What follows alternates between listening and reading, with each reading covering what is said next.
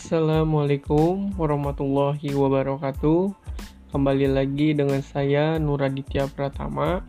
Pada kesempatan kali ini saya akan menjawab soal UAS fikih muamalah nomor 8.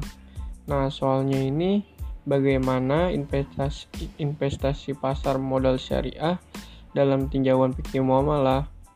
Nah, jawaban dari saya investasi di pasar modal syariah tentu sangat luas dari jenis produk-produknya, sehingga transaksi dalam pasar modal diperbolehkan sepanjang tidak ada larangan menurut syariah.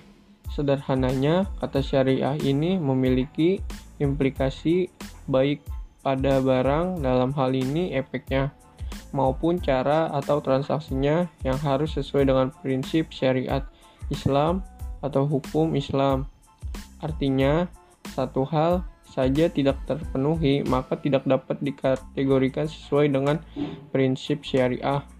Nah, dalam kegiatan ini muamalah dilarang yang mengandung unsur goror, riba, maisir, judi, jalim, riswah, dan maksiat yang dapat merugikan pasar modal syariah itu sendiri sehingga tidak dapat dimi, apa, diminati oleh orang banyak.